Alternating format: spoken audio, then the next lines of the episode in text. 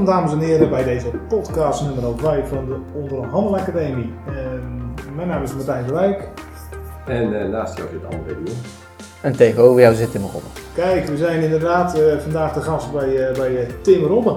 We gaan het vandaag hebben over onderhandelvraagstukken en met name in het zorg- en welzijns en in dit geval ook het sociaal domein. En zoals jullie weten, André en ik hebben onze focus op de kracht van het non-verbale in de onderhandelingen. Nou, zoals gezegd, we, hebben, eh, we zijn te gast vandaag bij Tim Robben, een, uh, misschien wel de meest bekende adviseur in het sociaal domein. Momenteel, toch? Je ziet het niet, maar ik begin nu te blozen. Oké, okay, ja. precies. Ja, welkom Tim. Ja, voor degene, mochten ze er nog zijn die jou niet kennen, misschien wil je jezelf uh, nog even kort introduceren.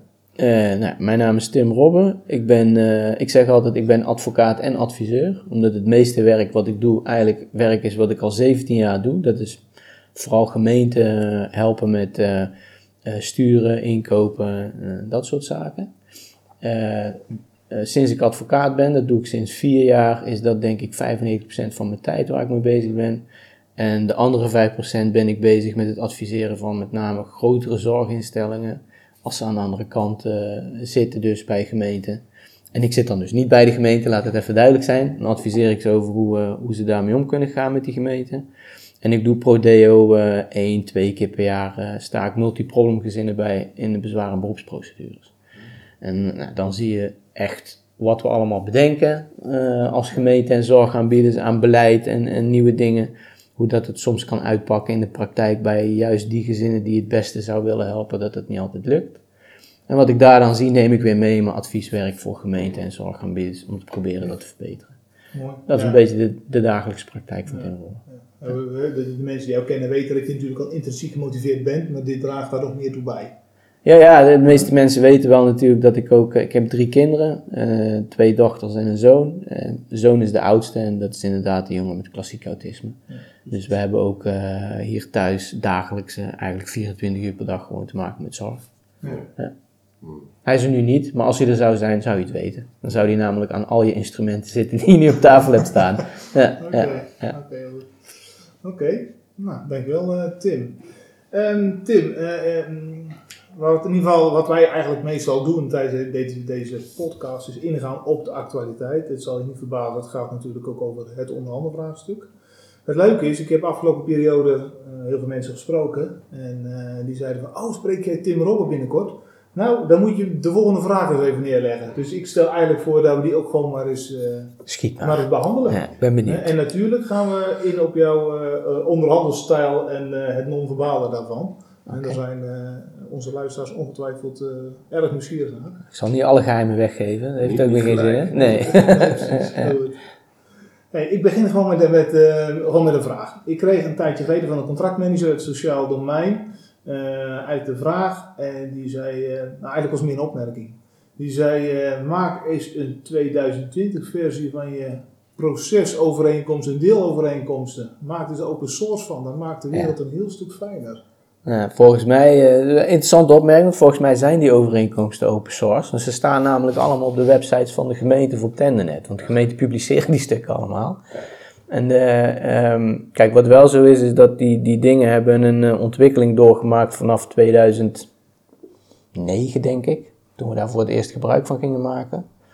en in eerste instantie waren dat vooral meer beleidsmatige documenten waar dan op stond overeenkomst. En ik, ik zal de eerste zijn die nu zal erkennen dat toen ik dus in 2015 advocaat werd, en dan moet je ook een opleidingstraject in, en dan krijg je eigenlijk je hele rechtenstudie waar je vier jaar over hebt gedaan, nog een keer in een half jaar, met alle vakken. Dat vrij pittig. maar er zit dan ook contractenrecht bij, dat die, die, zeg maar die eerdere versies, dus van voor 2015, ja, die kunnen, wel, die kunnen juridisch wel wat strakker, om het zo maar te zeggen. Dus vanaf 2015 ben ik die dingen ook al wel gaan aanpassen, maar er zijn verschillende regio's die die geactualiseerde overeenkomsten ook gebruiken. Dus het is eigenlijk al open source. En ik denk als je een beetje goed zoekt, dat, uh, dat je uh, de procesovereenkomst en de deelovereenkomst of resultaatovereenkomst, hoe je het ook wil noemen, die staan gewoon bij de regio's online. Wat, waar je wel op moet letten is dat er verschillen in kunnen zitten. Want sommige uh, regio's of gemeenten willen bijvoorbeeld werken met iets als budgetplafonds en andere regio's weer niet. Nou, een voorbeeld van een regio die werkt met budgetplafonds is Holland-Rijnland. En ik weet gewoon, omdat ik ze laatst nog heb moeten adviseren, eh, ik, kon, ik kon de overeenkomst zo van internet afplukken. Ze staan erop. Oké, dus ja, precies. Eigenlijk open source. eh, Ja, meer, meer open source kan ik er eigenlijk niet van maken. nee, Hè? Misschien dat ik ze nog een keer op LinkedIn moet zetten. Ook goed, maar dan, eh, dan moeten er allemaal opties in verwerkt worden. Zo. Elke gemeente wil toch iedere keer, of elke regio wil toch iedere keer weer zijn eigen dingetjes. Ja, precies. Zo ken ik het ook, hè? want wij kennen elkaar nu vijf jaar. Hè? Dat we Ja, samen een, Ja, vereniging of een, een, een, een regio, Ja. centrum gemeente hebben, hebben geadviseerd. Ja. Hè? Eh, ieder uit onze eigen hoedanigheid. Ja. Hè? En daar was het eh, de, de, de beroemde proces en deelovereenkomsten. Ja. En je ziet allerlei exotische varianten in namen daarop. Ja, interessa- inter- interessant is, is dat je nu, eh, kijk, wat ik al zei, ik denk, we doen dat nou zo tien jaar zo op die manier. Omdat de Europese aanbestedingen in de thuiszorg, waar ik vanaf 2006 bij betrokken ben eh, geweest, eh, dat heb ik nooit Europees aanbesteed in de klassieke zin van het woord, omdat het gewoon niet werkt. Een papieren exercitie waarbij degene die het beste opschrijft, die wint de klus. Ja. Eh, en vervolgens is dat dan, eh, kan dat dus niet de partij zijn die je als gemeente eigenlijk wil, maar ook als cliënt eigenlijk niet wil. Nou, nou, het is een papieren exercitie. Heb jij het het beste opgeschreven, mag jij het de komende twee, drie, vier jaar gaan doen. Dus het alternatief was dat bestuurlijke aanbesteden met een procesovereenkomst en een deelovereenkomst. En het interessante is dat wat je nu ziet, en daar gaan we het straks misschien ook nog wel over hebben, is dat die hele eh, flow die nu een beetje ontstaat vanuit het ministerie en een aantal gemeenten tegen de open house inkoopvariant, die veel te snel gelijkgeschakeld wordt met bestuurlijke aanbesteden, wat eigenlijk niet hetzelfde is. Dat iedereen nu eigenlijk weer roept van ja, we willen toch weer meer dialoog. Dus je ziet gemeenten nu eh, een soort ontwikkeling doormaken die ze zelf niet doorhebben, omdat de mensen die er werken niet dezelfde mensen zijn als vijf jaar geleden en tien jaar geleden. Van Europees aanbesteden naar een model met procesovereenkomst en deelovereenkomst en onderhandelingen erin in dialoog. Naar dat kost te veel tijd, dus we doen maar gewoon open house. Dan zit er helemaal geen dialoog en onderhandelen meer in. Dan is het gewoon, dit zijn de voorwaarden en iedereen kan inschrijven. Naar, we hebben toch eigenlijk wel weer meer dialoog nodig. Dus zijn ze weer dialoogdocumenten aan het maken, die eigenlijk heel erg weer lijken op die procesovereenkomsten. Eigenlijk zeg je, Ja, dus, de eh, omloopsnelheid is nu niet hoog. ja, en het leervermogen te laag. Ja. Dus de, de, zeg maar een hele hoop eh, vraagstukken. En misschien moet dat ook zo gaan. Ik bedoel, ik was dat vorig jaar wel, werd ik daar vrij cynisch van. Dat ik denk van, joh, eh, ik hoor allemaal oplossingen bij gemeenten en ook vanuit het ministerie. Dat ik denk van, ja, dat hebben we al twee keer eerder gedaan. Maar ja, als je dit werk 17 jaar doet, dan zie je misschien ook alles wel twee keer gebeuren. Omdat iedereen die erbij betrokken is, wisselt. Ja. Snap je? Dus, dus er, moet, er moet ook. Misschien moeten de mensen die er nu mee bezig zijn met die materie ook wel een keer een Europese aanbesteding doen en merken hoe dat mis kan lopen. Om te beseffen dat je het anders moet aanpakken. Ja. En misschien moeten ze ook wel snappen dat je een dialoogproces toch wat meer moet formaliseren met een basisovereenkomst, hoe je het dan ook wil noemen, om dat goed te kunnen organiseren. Dus ik, ik, probeer me ook een ik, probeer ook een beetje afstand te nemen van die discussie, omdat ik anders, zeg maar, de, nu al, ik ben 42, eh, de oude zeurende man wordt die steeds zegt van ja, maar dit hebben we al een keer En hoe heb gedaan. je dat dan omgedraaid? Want als je eerst wat cynisch bent en nu kijk je er anders naar, Ja, wat, wat, hoe, hoe heb je dat gedaan? door heel veel te praten met mijn vrouw. Dat doet vaak wel goed, ja. Dat doet het heel goed namelijk. Nou ja, kijk, die, die, die, had, die, had, die had op een gegeven moment natuurlijk twee punten die vrij sterk waren. Kijk, eh, één is, eh, het is niet handig als je bepaalde mensen wilt helpen. En dat, dat, dat geldt natuurlijk gewoon zowel vanuit commerciële zin, eh, het zijn klanten van je, maar aan de andere kant ook vanuit die intrinsieke motivatie dat je wilt dat ze iets op een bepaalde manier doen omdat je weet dat het goed is. Ja. Dan moet je natuurlijk niet de hele tijd tegen de haren instrijken. Dat is onhandig. Ja. Eh, dus, dus dat was een, een goed punt waar ik wel lang op, eh, over heb moeten nadenken van oké, hoe, hoe kan ik dat dan anders doen? En dat ben ik nu aan het proberen te doen. Dus ik probeer dat wat anders te brengen, mijn boodschap. En ik hoop dat mensen dan dus eh, daarvoor open blijven staan.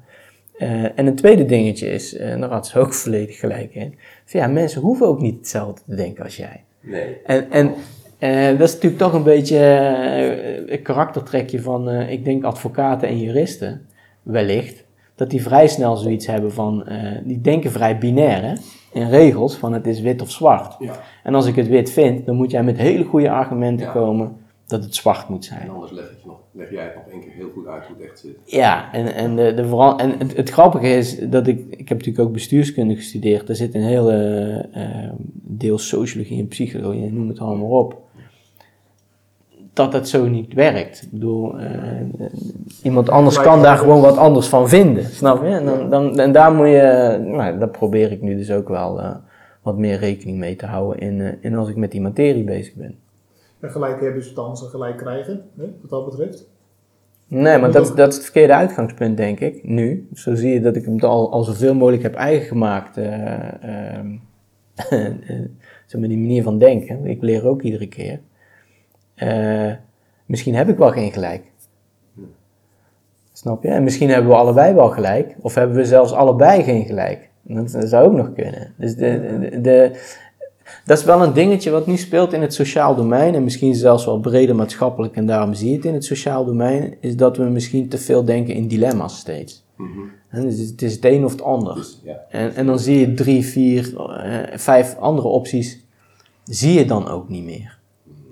En dat is wel zonde, denk ik. Ja, dat vind ik wel mooi dat je het zegt, want dit, dit herken ik zo uit de praktijk en het beperkt zich natuurlijk niet alleen tot het sociaal domein. Hè. Ja. Wij zijn ook actief in, eh, in de zorgverzekeraars. Ja, eh, dan zie je dat ook. Dan zie je dat ook.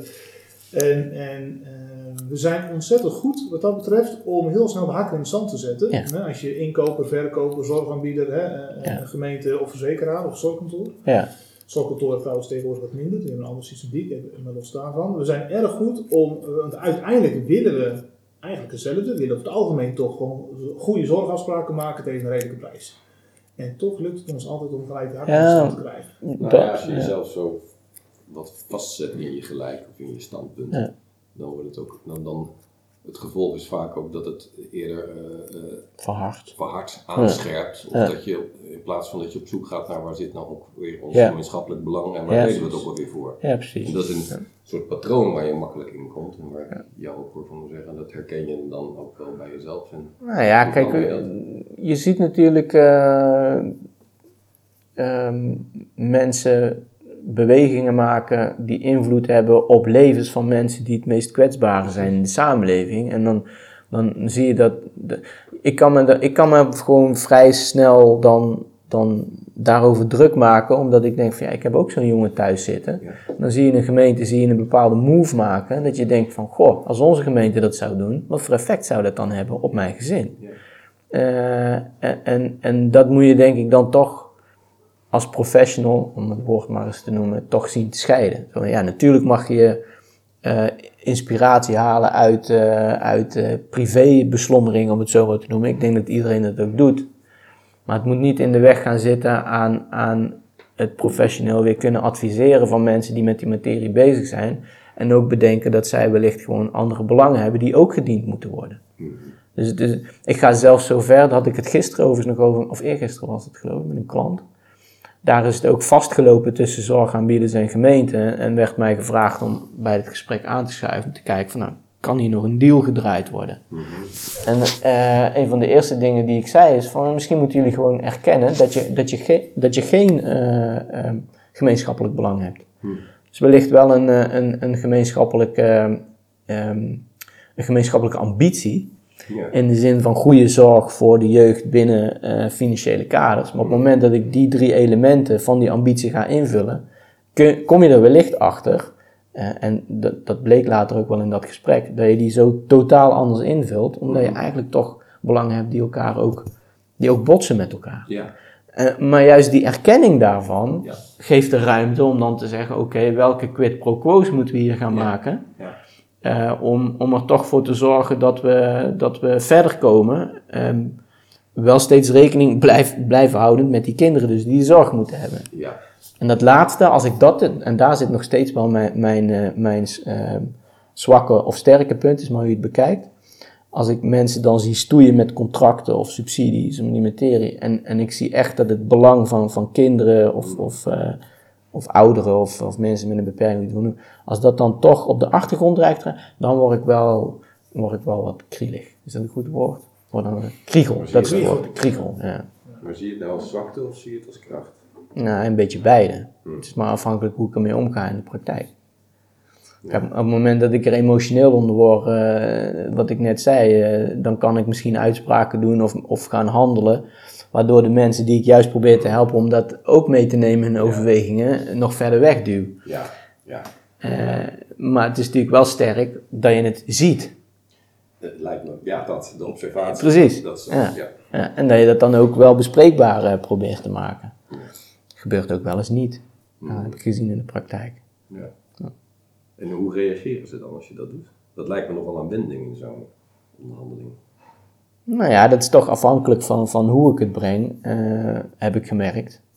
Ehm, maar ook de perceptie van de mensen waar ik mee aan tafel zit. Eh, gisteren gaf iemand een prachtig compliment over mijn bijdrage op Binnenlands Bestuurcongres. Die zei van ja, als je Tim Robben alleen van de, de Twitter-account kent en de LinkedIn-account kent, dan is het de man van de stevige statements. Maar als je hem hoort spreken, dan zit er ook wel eh, flink wat nuance in die verhalen. En, Ja. Is toch een, sterk genuanceerd verhaal wat dan wordt neergezet. En zo is het natuurlijk ook. Kijk, als je meer tijd hebt om mensen te leren kennen, en ook verder kijkt dan wat er op social media gebeurt, eh, of een eenmalige optreden, eh, ehm, dan kun je ook beter eh, uiteenzetten waarom dat je nou iets ook vindt of zegt. En in de huidige eh, setting van, van onderhandelen met financiële druk die zit bij gemeenten, maar ook financiële druk die zit bij aanbieders. eh, ook die social media eromheen, die, die speelt, de, de media omheen, eh, eromheen, die natuurlijk ook iedere keer maar dingen afvuurt op bestuurders en, en mensen die in die sector werken. Ja, dan maakt het soms lastig om gewoon een goed gesprek te hebben. Nee, die, die, die social media nodigt dan ook uit tot het innemen van scherpe standpunten. En- Ja. Ik, ik, ik reageer ook bewust niet meer op bepaalde berichten, Nee. waar ik Dus dat eerder jij- wel deed. Dus als jij in die onderhandelingen zit en je brengt dat wat meer eh, emotionele stuk aan de orde, Ja. dan is dat enerzijds ook de nuance die je dan inbrengt. Of waar je een appel op doet bij iedereen. Nou ja, ik probeer dan gewoon met praktijkvoorbeelden, want die noem ik dan ook, te laten zien van joh, besef je wel dat wat je nu met elkaar bedenkt een oplossing is voor jou als gemeente en of een oplossing is voor jou als zorgaanbieder, maar niet per definitie een oplossing gaat zijn voor jou, mensen die, mensen die bij jou in dienst zijn die het werk moeten doen. Of de mensen die uiteindelijk de zorg eh, ontvangen. Ja. En op het moment dat daar dan argumenten voor komen waarom dat wel zo zou zijn, nou, dan moet je daar het wel goed met elkaar over hebben. Want soms dan zijn het toch wel niet hele goede argumenten, zeg maar. Nee, nee. Maar da- daar moet ik wel oppassen dat ik niet zwart-wit ga denken. Dat snap je? Ja. Eh, Tim, die zei net eigenlijk al, misschien eh, eh, even, even naar de volgende te gaan. Hè? Je gaf net aan, je hebt gesproken op het congres van het Binnenlandse Bestuur. ja, gisteren. Volgens mij, ja, gisteren. Ja. Eh, althans, nou, aan wanneer de mensen podcast luisteren. Ja, dat was dan de je hebt gesproken. 21ste november. Ja, ja. Eh, daar heb je gesproken over die vijf quick wins. ja. Eh, zou je daar misschien iets over eh, willen vertellen? Ja, nou ja, het, het moest binnen 20 minuten, dus het waren hele quick-quick wins. maar dat was, dat was een mooie openingsgrap voor een lezing natuurlijk, om die te maken. Eh, nee, ik heb, ik heb ehm, het, er zijn er natuurlijk meer, maar eh, die vijf eh, waarvan ik dacht van nou, die, doen, die zijn nu het meest actueel, die heb ik genoemd. En de eerste was, ehm, kijk, wat ik in de praktijk nog steeds tegenkom, is dat er op een hoog abstractieniveau in ambities wordt gesproken over hoe de zorg beter moet en het sociaal domein beter moet. En vervolgens wordt het eigenlijk vrij weinig concreet naar mensen toegeschoven die daar dan uitvoering aan moeten geven. Nou, neem als voorbeeld inkopers. Ander voorbeeld zijn wijkteams of mensen die zorg moeten toewijzen. Als ik dat niet concreter maak, wat ik, wat ik nou werkelijk wil bereiken eh, met die zorg en het sociaal domein, dan gaan die mensen eigen afwegingen maken, want die moeten wel een opdracht uitvoeren. Nou, het, is dan, het is dan dus ook niet vreemd dat als je twee jaar later als, als politicus, bestuurder of beleidsmedewerker, eh, dat je dan tot de conclusie komt dat er iets heel anders is gebeurd in de praktijk dan wat je eigenlijk had gewild. Simpelweg omdat je niet hebt precies duidelijk gemaakt wat je nou wil. Dus die eerste quick win die ik heb genoemd was, ga nou eens gewoon definiëren.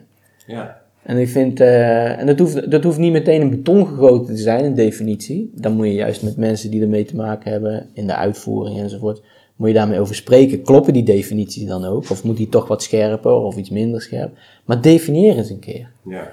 Dus eh, ik ken ook geen beleidsdocument wat begint met een lijst met definities. Overeenkomsten wel. Ja.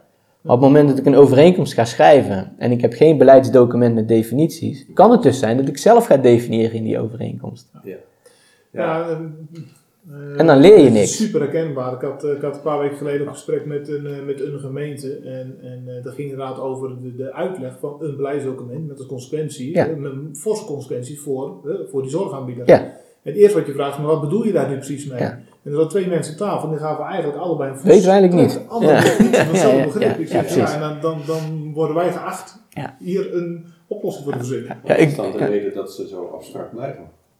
Eh, de- nou, ik, denk, ik, ik vermoed dat het twee redenen heeft. Eh, reden één is, is, je begint natuurlijk altijd met een politieke ambitie, in ieder geval in het sociaal domein, omdat gemeenten daar Ja. aan zet zijn. Dat is altijd eh, wethouders, raden, die zijn daaraan aan zet. Hè?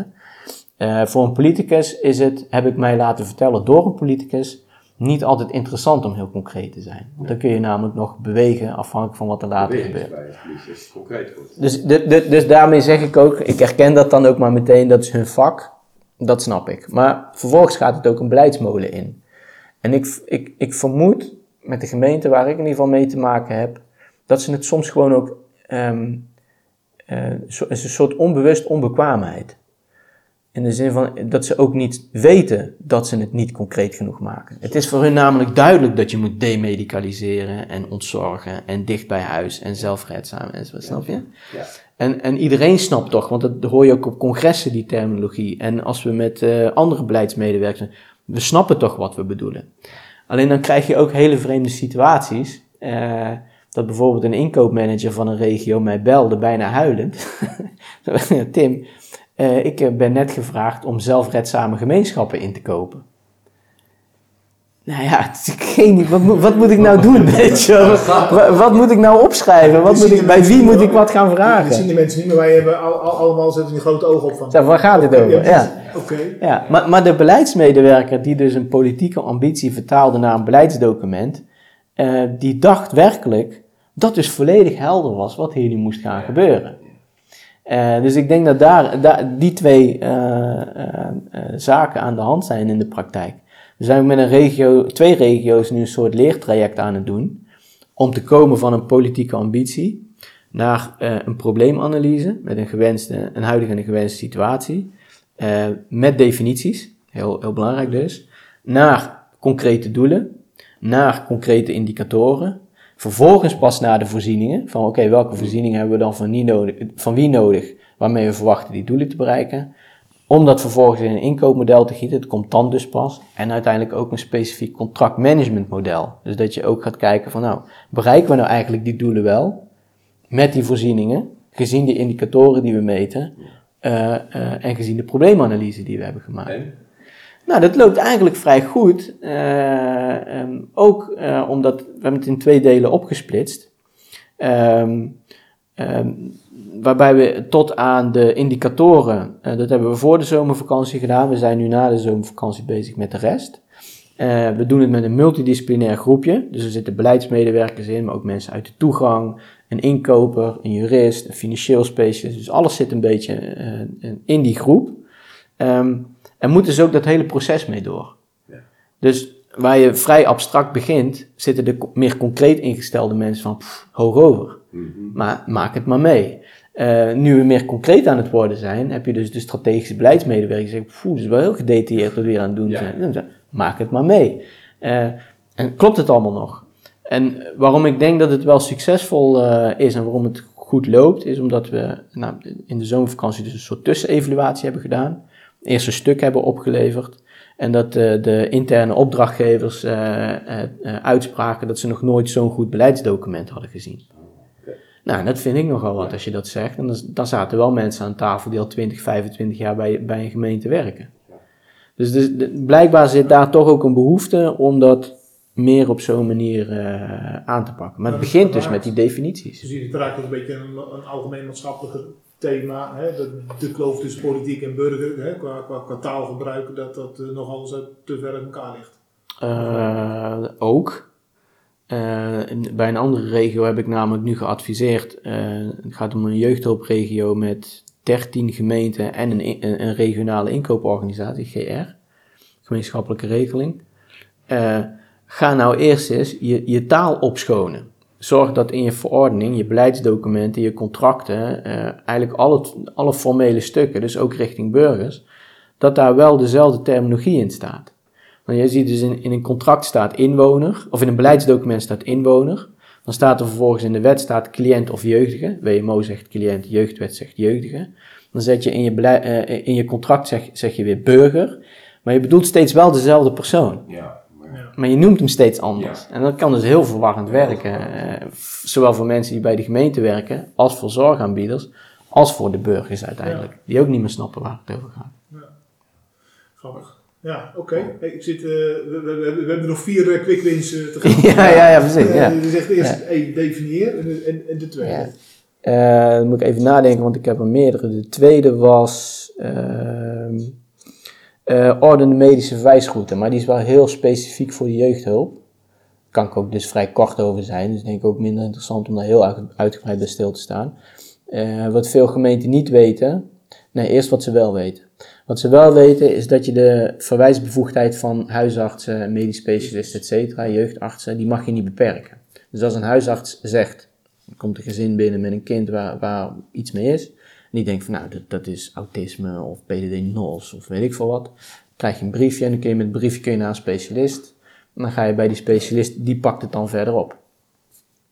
Eh, nou staat er in de memorie van, eh, van toelichting op de jeugdwet, en de Centrale Raad van Beroep die heeft er ook ooit al een uitspraak over gedaan, welke stappen eigenlijk na die eerste stap nog gedaan moeten worden. De eerste stap is gewoon, wat is je vraag? Nou, hij slaapt slecht, eh, hij springt, hij praat niet, weet ik veel wat. De tweede stap is, welke stoornis of beperking of, of opvoed- of opgroeiproblematiek is er aan de hand? Dat moet worden vastgesteld door een deskundige. Dat doet normaal gesproken de huisarts al niet meer, dat doet dan al de specialist waar je naar bent verwezen. De volgende stap is aard en omvang van de zorg. Dus hoe los ik dan, eh, hoe, ga ik om met die stoornis, beperking, et cetera, om de hulpbehoefte, eh, om daarin te voorzien. En tot slot, dat is de laatste stap, kunnen de mensen dat zelf oplossen? Eh, is er een algemene voorziening in de gemeente aanwezig of is er echt een, een individuele voorziening nodig en welke dan?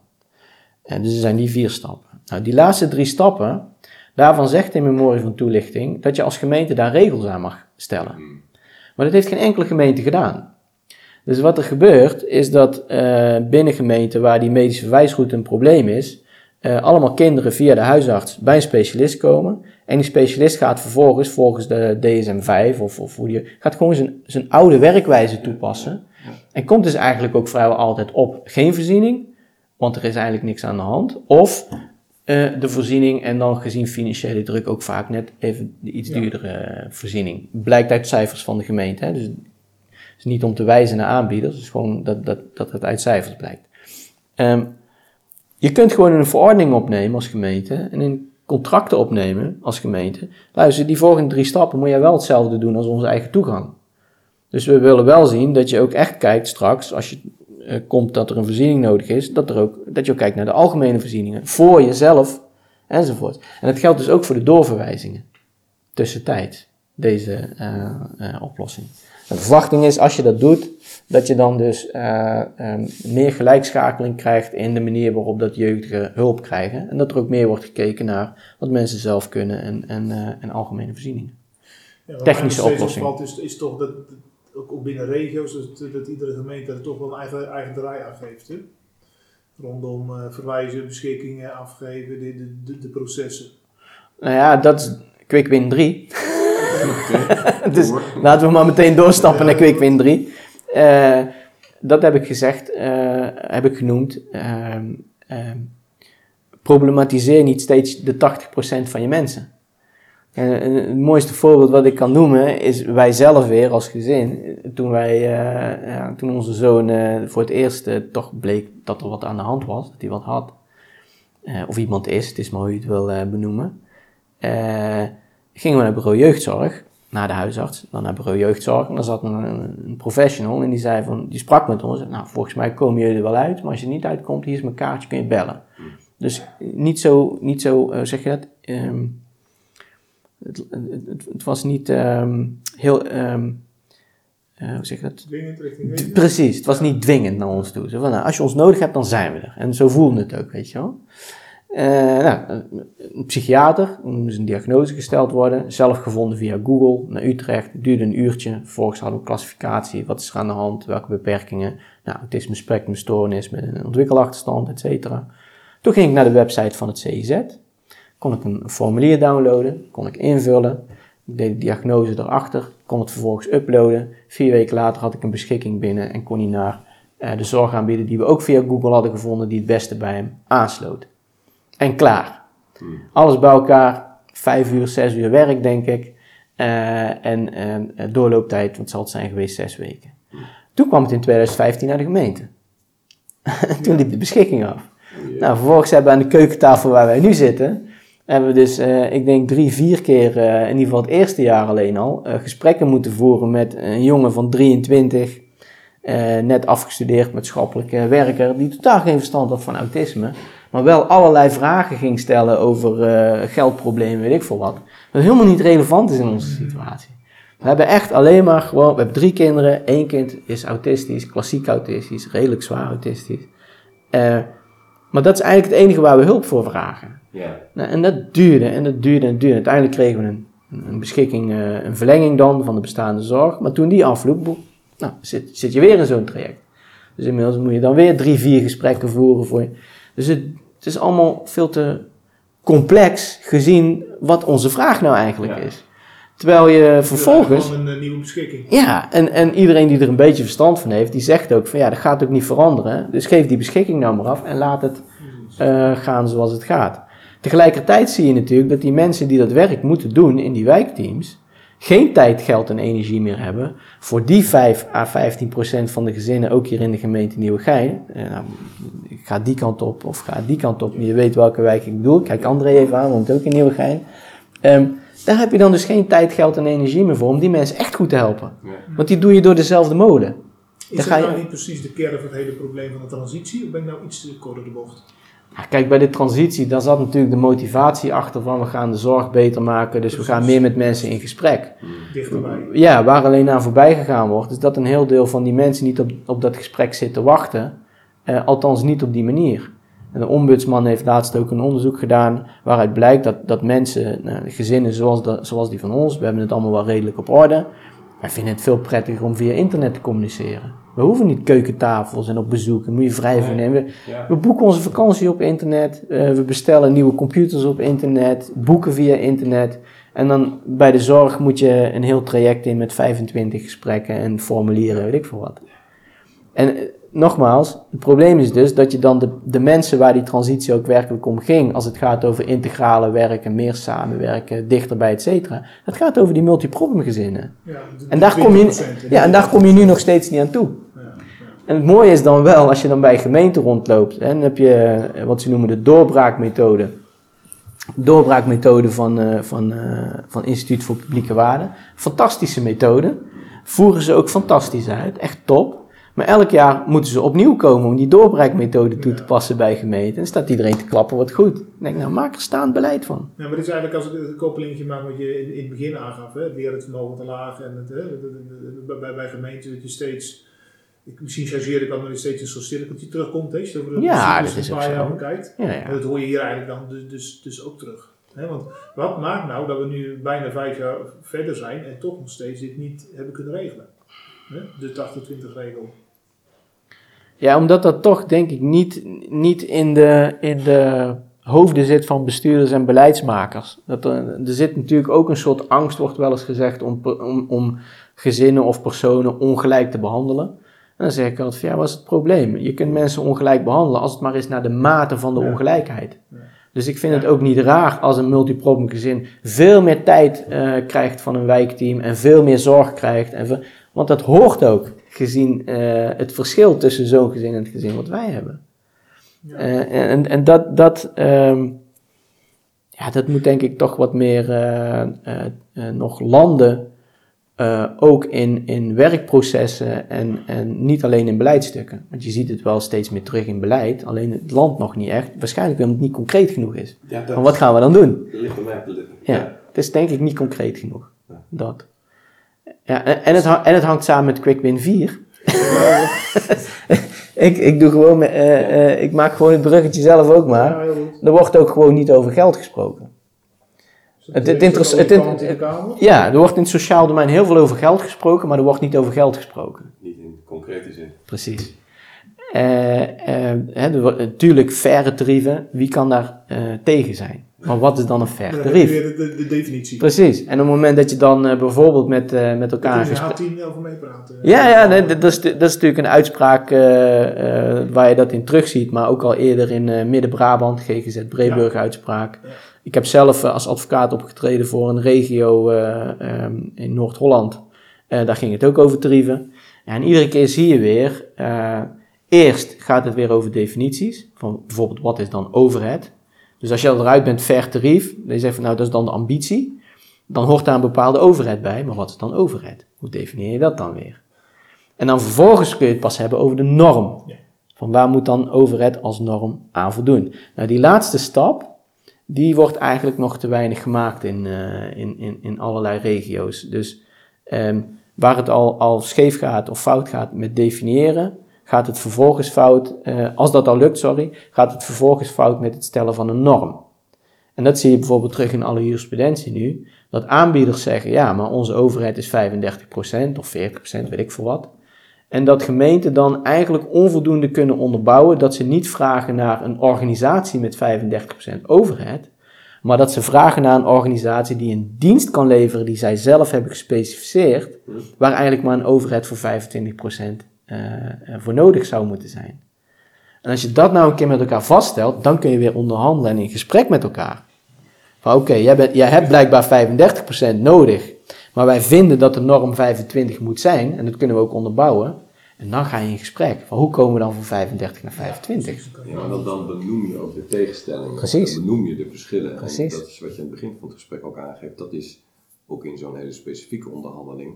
Door die tegenstellingen te benoemen, Ja. kom je ook weer verder. En dan kan je weer opnieuw kijken naar die situatie. Maar eigenlijk eh, ontwijken ze dat eigenlijk. Ja, klopt. Om, om, maar vooral niet te hebben over waar je het niet over eens bent. Klopt. Ja, klopt, klopt. En, en, en er worden dan ook echt stellingen betrokken. Eh, en vervolgens ook een beetje, een beetje ja, een soort van dreigementen komen dan. Hè? Dat gemeenten op een gegeven moment gaan zeggen van nou, eh, deze aanbieders zitten helemaal vast in hun, hun cultuur en gaan niet mee transformeren. Dus we gaan eens een keer Europees aanbesteden. En dan moet er maar een nieuwe komen. En dan vallen ze maar kapot, eh, even plat gezegd. Hè? Aan de andere kant van de tafel zitten dan weer zorgaanbieders, bestuurders, die zeggen van ja, eh, die gemeenten snappen het niet. En eh, als ze zo doorgaan, dan zetten we gewoon 100 kinderen op straat, want we kunnen de, de zorg niet verlenen enzovoort. Dat is natuurlijk ook gewoon een soort dreigement richting, vrij, vrij open zelfs. En dan verhardt het dusdanig dat je helemaal geen goed gesprek meer met elkaar kunt voeren. Maar ja, dat is, ik denk dat als je kijkt vijf jaar terug, eh, zaten wij natuurlijk aan een hele hoop tafels, ook in Foodfair heb ik met jou aan tafels gezeten, is dat ehm, ehm, partijen wel met elkaar aan tafel zaten en met elkaar in discussie waren. En eh, allemaal met elkaar die ambities wel uitwisselden. Maar vervolgens zonder te definiëren te weinig concreet werden in wat dat dan betekende voor die, eh, voor die partijen. En daar ging je dus, daar ging je dus, ging je dus mis. Daar ging je dus mis. En dat zou nu wel een keer moeten gaan gebeuren. En anders dan wordt het gewoon weer Europees aanbesteden. Ja. En mogen de beste, eh, eh, degene die het best op papier opschrijft, het winnen. Nou, daar zou ik nog wel een keer mee op door willen, alleen misschien niet nu. Nee. Dus, het is wel interessant wat dat betreft. Ja, dat is een andere ontwikkeling. En we, nee, nee, we hebben nog eentje over. Vijf. Nummer vijf. Ja, nou, vijf hangt ook wel weer samen met vier. Dat is betaal voor samenwerking. Eh, en eigenlijk gaat daar nog wel iets aan vooraf. Dat heb ik gisteren ook genoemd op het congres. Kijk, bij ons thuis, eh, hier, hebben we te maken met twee hulpverleners. Dus eigenlijk, eh, als je die gaat verplichten als gemeente om ook de samenwerking concreet vorm te geven, in plaats van dat gewoon te laten gebeuren, zeg maar, dan wordt dat natuurlijk een heel bureaucratisch proces. Als die daarover moet gaan terugmelden en weet ik veel. Dat is onzinnig. Nou, als bij 80% van je, van je, van je mensen eh, één of twee zorgverleners over de vloer komen, moet je daar ook niet te moeilijk gaan doen over samenwerking, want het is geen issue. Waar het wel een issue is, is weer bij die 20, 15, 5%, waar veel meer hulpverleners over de vloer komen en misschien eh, ook wel andere stakeholders over de vloer komen die iets met zo'n gezin moeten doen. Ehm, en daar komt samenwerking nog steeds niet van de grond. Dat hoor je ook overal. Dat is ook een doel van die transitie. Van, nou, het gaat naar gemeenten, die kunnen dan die samenwerking beter organiseren en het integrale werk. En ik heb dat een keer aan zo'n overlegtafel met gemeenten en zorgaanbieders, heb ik dat balletje een keer opgeworpen. Van, jongens, hoe komt het nou dat die samenwerking niet, niet eh, van de grond komt? En toen zat er een dame eh, voor een zorgaanbieder aan tafel, die ook in het primair proces werkzaam is. En die zei van, ja, ik kan het niet wegschrijven. Ik kan het nergens wegschrijven. Dus als ik het al ga doen, werkzaamheden die samenhangen met, met, met samenwerking, moet ik het in mijn vrije tijd gaan doen. En soms dan kan ik dat wel en dan doe ik dat ook, maar soms lukt dat ook niet en dan kan ik het ook niet. Ze kunnen het niet verantwoorden. Ja, het wordt dus niet precies. En daardoor kunnen ze het ook niet organiseren. Dus wat we in die, uh, in die gemeente toen ook op tafel hebben gelegd, nou, dan, dan gaan we zorgen dat, je, dat samenwerking wordt betaald. Dus we maken een productje in het contract. En dan zeggen we, nou, als er twee of meer uh, zorgaanbieders actief zijn op een adres, dus niet eens zozeer bij een cliënt, maar echt op een adres, want er kunnen natuurlijk meer mensen wonen op zo'n adres. En er zijn uh, uh, partijen die vinden dat samenwerking hier meerwaarde oplevert. Althans niet in de weg gaat zitten voor wat betreft de kwaliteit van de zorg. Gewaardeerd worden. Precies. En dan mag je dat product inzetten samenwerking. En dat was dan een HBO of een HBO plus uurtarief. En konden coördinerende werkzaamheden konden netjes worden weggeschreven en worden betaald. Oké, okay. okay. ja. uh, we zitten een klein beetje met oog op de tijd, maar eigenlijk als, ik, als ik die vijf punten dan nog, nog meer terug kan brengen, dan volgens mij hoor ik jou eigenlijk zeggen, beste mensen, word concreet en choose your battles. En dan bedoel ik eigenlijk mee, als je het hebt over die 80-20 verhouding, kijk waar je beleid op maakt. En zo concreet mogelijk. En de uitwisseling ervan, dat je allemaal hetzelfde beeld hebt van alle... Nou ja, stem je 80-20 geld, uh, tijd en energie ook af op die 80-20 zoals je populatie eruit ziet. En de, uh, dan, ja, dat is een vertaling van Choose Your Battles. Ja. Nog één ding, en dat is misschien wel wat ons betreft een hele belangrijke, dat gaat om ja. de onderhandelstijl. We ja. hadden net heel kort even in onze voorbereiding, want ja. altijd heel kort, want we willen eigenlijk vooral het gesprek laten ontstaan. Zoals je net al aangaf, wij hebben samen de Food Valley, uh, uh, zijn wij betrokken geweest bij de, bij de inkoop uh, van de jeugdhulp daar. En daar hadden wij een geweldige leuke samenwerking als wij onderhandelgesprekken hadden met grote GGZ jeugdhulp aanbieders. Ja. En jullie zaten daar met z'n tweeën. Ja. Wij zaten met z'n tweeën. Ja. ja. En, en uh, nou, laat ik zo zeggen, we zijn nogal een uh, complementair, complementair duo. En dat zit er zo met name in, als ik, ja. ik, ik vind het heerlijk om te bewegen. Hè, wat dat betreft. We zitten, we zitten in een gesprek, ik vind altijd wel ruimte, ik vind altijd wel openingen. En nou, dan ben je zeker hè, in, in, ook in die fase hartstikke het goede gesprek aan het voeren met die aanbieders, want die zien ook vaak echt wel. Het integratieve onderhandelingsgedeelte. Precies, inderdaad. Jury Fischer. Ja, in, Harvard precies. negotiation style, ja, ja. ja we gaan, die, die taart krijgen we wel verdeeld. Ja, precies. Ja, maar dan moet je hem nog verdelen. Dan wordt het interessant. En was, op, op, een gegeven moment we moesten spijt van kop geslagen ja. worden. En op zich, uh, prima, gaat wel. Maar toen kwam eigenlijk vooral ja. de, de, de, stijl van Tim aan, uh, uh, aan bovendrijven. Daar kon ik ja. niet achteroverleunen. Misschien kun je daar iets over vertellen. Nou ja, dat werkte zo, omdat we toen inderdaad zo die strategie hadden afgesproken. Ik denk dat ik verschillende stijlen kan inzetten. Net als gisteren, uh, waar ik al even aan refereerde, die casus, zat ik er niet in zoals ik er toen met jou in zat, uh, met die GGZ-aanbieder. Kan niet. Precies. Ja. Kijk, en uh, het, moet, het moet dienend zijn aan, aan het doel wat je hebt gesteld met elkaar voor die onderhandelingen. en gisteren was ik ook op de integratieve tour van, nou jongens, waar liggen de belangen, wat zijn de doelen, hoe komt het nou niet verder komen, hebben we een communicatieprobleem. Dus dat, ik denk dat je dat ook altijd moet doen in een onderhandeling. Alleen uh, op het moment dat er inderdaad schaarse middelen moeten worden verdeeld, uh, schaarse centen om het zo maar te zeggen, in jeugdhulp of WMO, ja, dan kan dat ook betekenen dat je soms harde uh, besluiten moet nemen over hoe dat dan te verdelen. En dan zul je meer naar een soort competitieve onderhandelingsstijl moeten. En dat is waar jij aan refereert, want zo hadden we het dan ook afgesproken. En dan is het meer, uh, dan wordt het meer drukken, zeg maar. Mm-hmm. Zo van, nou ja, oké, okay, jij zegt dat, uh, ik noem maar wat, hè. Jij zegt dat het 30 euro per uur kost, die zorg waar we het nu over hebben. Nou ja, ik heb uh, benchmark gegevens waaruit blijkt dat het ook voor 29 kan. Mm-hmm. Dus licht eens toe waarom, waarom dan bij jou voor 30? En dan ga je dus proberen hem toch naar 29 te krijgen. Ja. En in, in, uh, in de stijl die je dan uh, toepast, ja, heb je ook uh, allemaal van die, van die afspraken die je dan maakt. Want je, je moet dat eigenlijk nooit alleen doen, altijd met z'n twee of z'n drieën. Ja, ja. Of als je ziet dat de andere kant met vier komt, nou dan zitten wij er met z'n vijven. Ja. dat soort dingen. Heb ik trouwens ook echt een keer gedaan, leuke anekdote. Dat we met eh, een inkoper en een beleidsmedewerker de hele dag onderhandelingen deden met zorginstellingen. En dat we toen beneden zagen dat er vier mensen stonden van een zorgaanbieder. Ja. Toen hebben we twee mensen van de afdeling administratie afgetrokken. en daar hebben we tegen gezegd, dus we hebben we tegen gezegd, je mag niks zeggen. Als ik ja zeg, dan knik je. En als ik nee zeg, dan schud je nee. Meer hoef je niet te doen. Maar het was alleen... Maar het was, ja, precies. Maar het was alleen omdat het een, best wel een lastige onderhandelingspartner was ook. Om dat zo dan eh, te doen. Ehm, en ook andere dingen hebben we wel eens gedaan. eh, bijvoorbeeld eh, met een inkoper. Ook met een lastige zorgaanbieder was het waar we toen eh, onderhandeling mee hadden. Dus dat we afspraken dat, eh, dat de inkoper inderdaad de, de, de softe kant zou spelen. En ik dan de, de, of de, good cop en ik, dan- ik dan de bad cop. Ja. En dan hadden we allebei een, een kopje koffie voor ons staan. En dan, nou, hij ging dan als eerste die inkoper. En als ik dan mijn kopje koffie iets verschoof, dan was dat voor hem het signaal om achterover te gaan. Dan kon ik gaan. Hmm. En dan observeerde hij wat er gebeurde. En op het moment dat hij dacht dat hij weer soft moest, dan verschoof hij zijn kopje koffie. Dus dat kopje koffie is heel veel op en neer geschoven. Maar uiteindelijk hebben we wel een mooie deal in elkaar gedraaid. Waar overigens ook de zorgaanbieder dan tevreden mee is. Hoor. Daar, moet je natuurlijk altijd naar kijken. Ja, maar Eh, jij- jij- wat jij kan, is je kan ehm, beestje wel bij de naam noemen. Ja. Als het moet, ben je ook niet eh, te beroerd om eh, een beetje arm, armdrukken te doen. Ja, maar nooit liegen. Dat is echt een uitgangs- of een, een, Ja. een kritisch eh, punt voor mij. Ja. Ja. Maar ik, als, ik, als ik goed naar je luister, is dat armdrukken op zich nog niet zozeer dat je dan per se die 29, eh 29 euro tarief wil hebben. Nee, Maar dat het meer gaat om, maar dat vertaal ik het voor je. ja. Dat je intentie ook meer is van ja, maar het moet ergens kloppen. Er moet, het moet Ja, ja, concreet precies. worden weer. Kijk, ik ga ervan uit dat op het moment dat je onderhandelt, eh, en soms wordt het niet eens onderhandeling genoemd, dan wordt het dialoog genoemd of weet ik veel wat.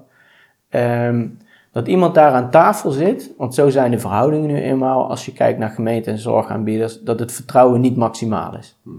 Zowel, eh, en dat kan zowel op intenties als op competenties zitten. Ja. Als het vertrouwen niet maximaal is, ga ik er dus ook vanuit dat de partij die ik aan tafel heb nooit meteen zijn allerbeste bod eh, neerlegt. Of het beste is. Wat, En misschien heeft hij ook nog niet eens gezien wat zijn beste bod is. En dat dat pas in die onderhandelingen ook naar boven kan komen drijven. Precies, precies. Eh, ehm, dus dat is wat ik dan probeer te doen op het moment dat ik die meer competitieve onderhandelingsstijl inzet. Is om te kijken van oké, maar waar zit nou eigenlijk jouw beste bod? Ja. Ehm, want dat geldt natuurlijk ook. Ik word vooral voor gemeenten gevraagd om die onderhandelingen te voeren.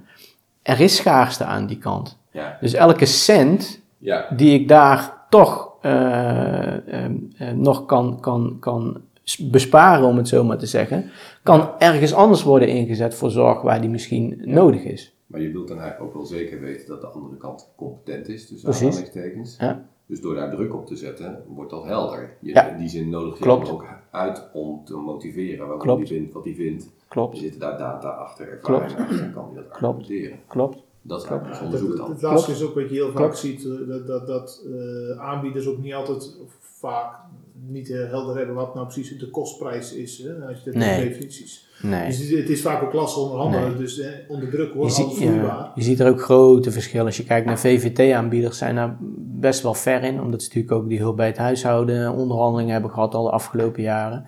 Maar GGZ-aanbieders, eh gehandicaptenzorgaanbieders. is, eh, als ze hun kosten al kennen en hun kostprijs al kennen, dan weten ze niet waar hun ruimte zit. Dus ze hebben nooit echt nagedacht over, eh, oké, maar wat als de gemeente nu de dienst toch iets anders wil inkopen, wat betekent het dan? En daar gaan die onderhandelingen Maar dan daar dus over. je bent eh, redelijk ervaren in die stijl. Ja. Dus dan is mijn vermoeden dat je ook wel door hebt als de andere kant daar niet helemaal zeker van is of niet goed kan beargumenteren. Ja, en dan geef je ze ruimte. Dat Dan zeg je ook van, joh, eh, luister, ik zie dat je nu misschien opnieuw eh, moet nadenken over, over wat mogelijk is.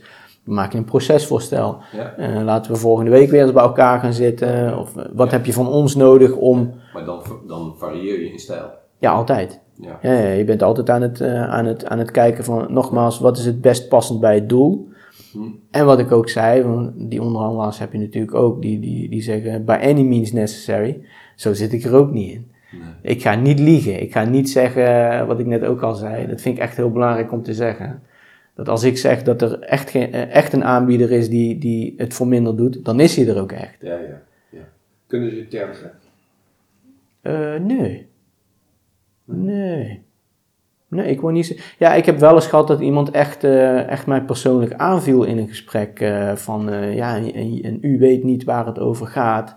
En u komt niet uit de zorg. En u snapt er niks van. Het is toch uw vak om het te snappen. En Dus je kunt wel verteld worden. ja, nou ja, nou ja de, de vraag is dan natuurlijk van, eh, wat doe je ermee? Jullie zijn natuurlijk ook Aikido-jongens, heb ik begrepen. hè? Dus je, je pakt hem dan maar.